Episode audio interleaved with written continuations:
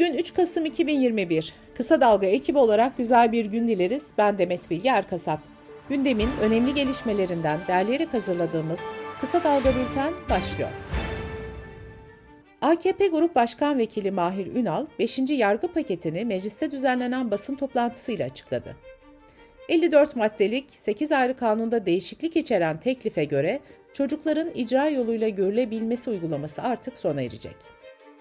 Düzenlemeye göre velayet sahibi mahkemenin kişisel ilişki kurma kararına uymuyorsa devreye yeni kurulacak uzmanların görev alacağı müdürlükler girecek. Anne ya da baba bu müdürlüklere harç ödemeden yapacağı başvuruyla çocuğunu görmeyi talep edebilecek. Kamuoyunda yeni düzenlemeyle çocuk teslimi alanlarının nasıl belirleneceği de merak konusuydu. Düzenlemeye göre çocuğun örselenmemesi için çocuk teslimi okul, kreş gibi mekanlarda yapılacak.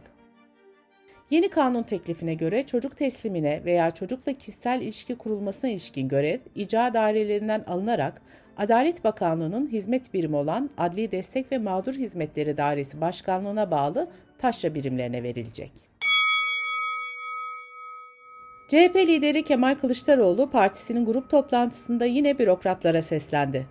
Kılıçdaroğlu, Anayasa Mahkemesi ve mahkeme kararlarını uygulamayan bürokratları bürokraside tutmayacağım. Mahkeme kararını uygulamak her devletin temel görevidir, dedi.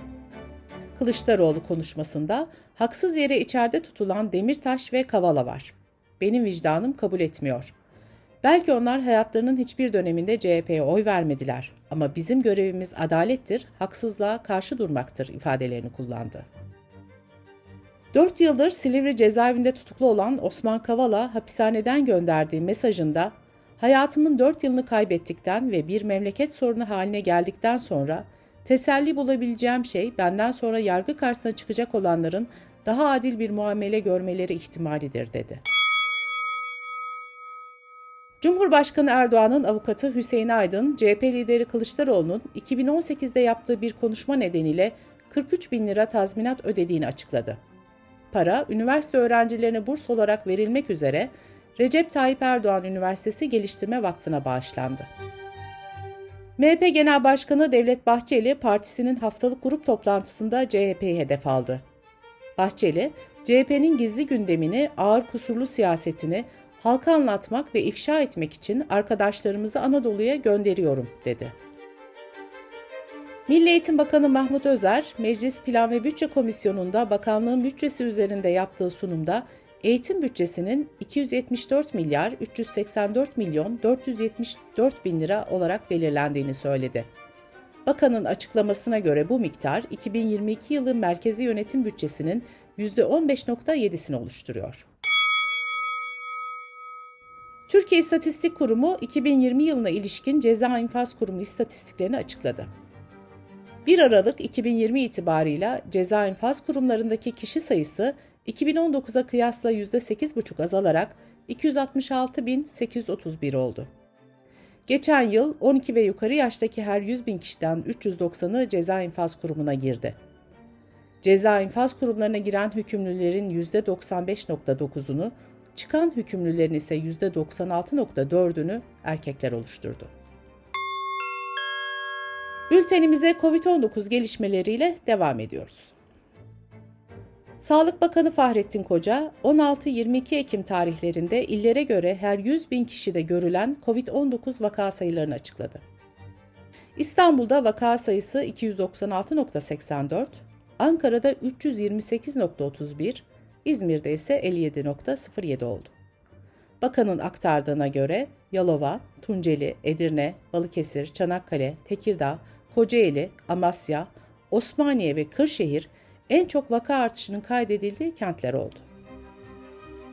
İstanbul Aile Hekimliği Derneği Başkan Yardımcısı Doktor Esin Ayfer Çulha Dildök, son dönemde günlük aşı sayısının çok azaldığını ve hatta durma noktasına geldiğini söyledi.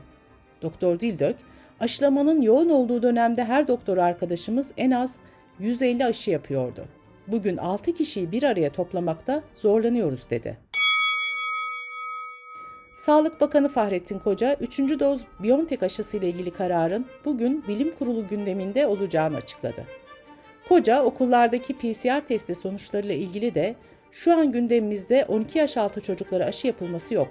Çocuklarda oranın çok yüksek olmadığını gördük açıklamasını yaptı. Amerika Gıda ve İlaç Dairesi Moderna'nın 12-17 yaş grubu için ürettiği COVID-19 aşısının kullanımını muhtemel yan etkilerinin daha iyi araştırılması için erteledi.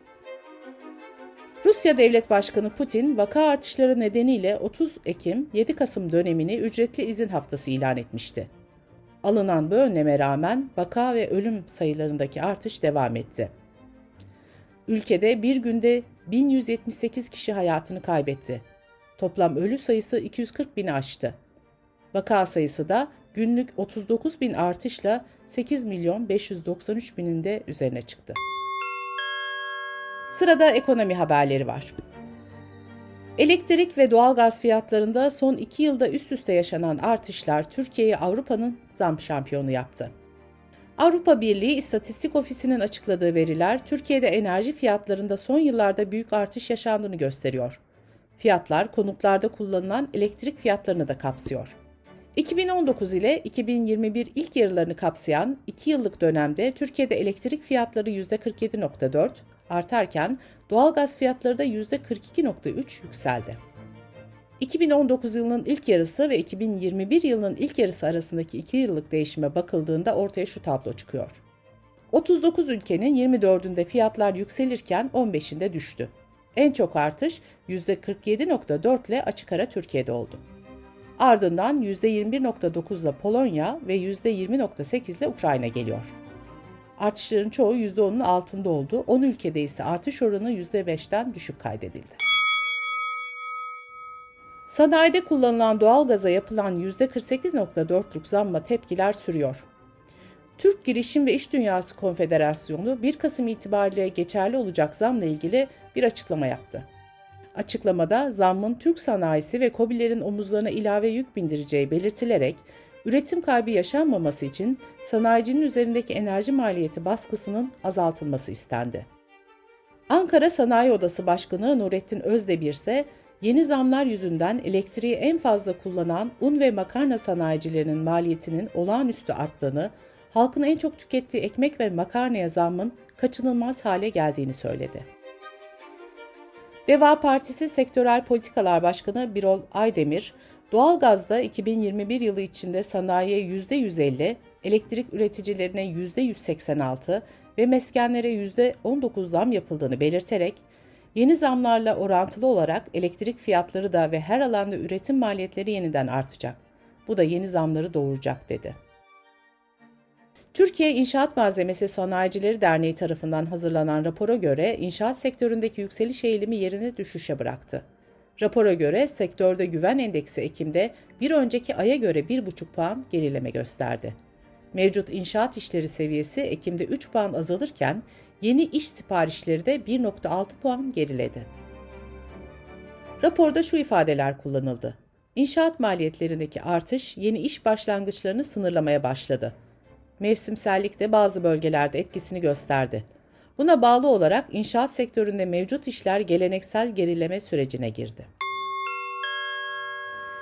Dış politika ve dünyadan gelişmelerle devam ediyoruz. F-16'ların Türkiye satışının gündeme gelmesiyle birlikte ABD Temsilciler Meclisi'nin 41 üyesi karara karşı mektup yazdı. Mektupta Türkiye'nin S-400 alımı nedeniyle yaptırım listesinde olduğu belirtildi. İskoçya'nın Glasgow kentinde pazar günü başlayan Birleşmiş Milletler İklim Değişikliği Konferansı'na katılan dünyanın önde gelen sanayi ülkelerinin hükümet ve devlet başkanları iklim koruma önlemlerinin daha da artırılması çağrısında bulundu. İsrail'in Ulusal Altyapı, Enerji ve Su Kaynakları Bakanı El Harar, tekerlekli sandalyesine erişim imkanı sağlanmadığı için zirveye katılmadı. Bulgaristan Savunma Bakanı Panayotov, Türkiye sınırından Bulgaristan'a yasa dışı sığınmacı geçişlerini engellemek için sınır polisine destek olmak üzere 350 asker gönderdiklerini açıkladı. ABD Ulusal Havacılık ve Uzay Dairesi NASA ile Ulusal Okyanus ve Atmosfer Dairesi bu hafta GPS ve iletişim uydularını etkileyebilecek bir güneş patlaması yaşanabileceğini açıkladı. Bültenimizi kısa dalgadan bir öneriyle bitiriyoruz. Dilek Gedik, otizmli, Down sendromlu, zihinsel engelli ve diğer gelişim bozukluğu olan bireylerin en temel insan hakkından biri olan eğitim hakkına kavuşma konusunda yaşadıkları sorunları araştırdı. Kısa Dalga.net adresimizden ve podcast platformlarından dinleyebilirsiniz. Gözünüz kulağınız bizde olsun. Kısa Dalga Medya.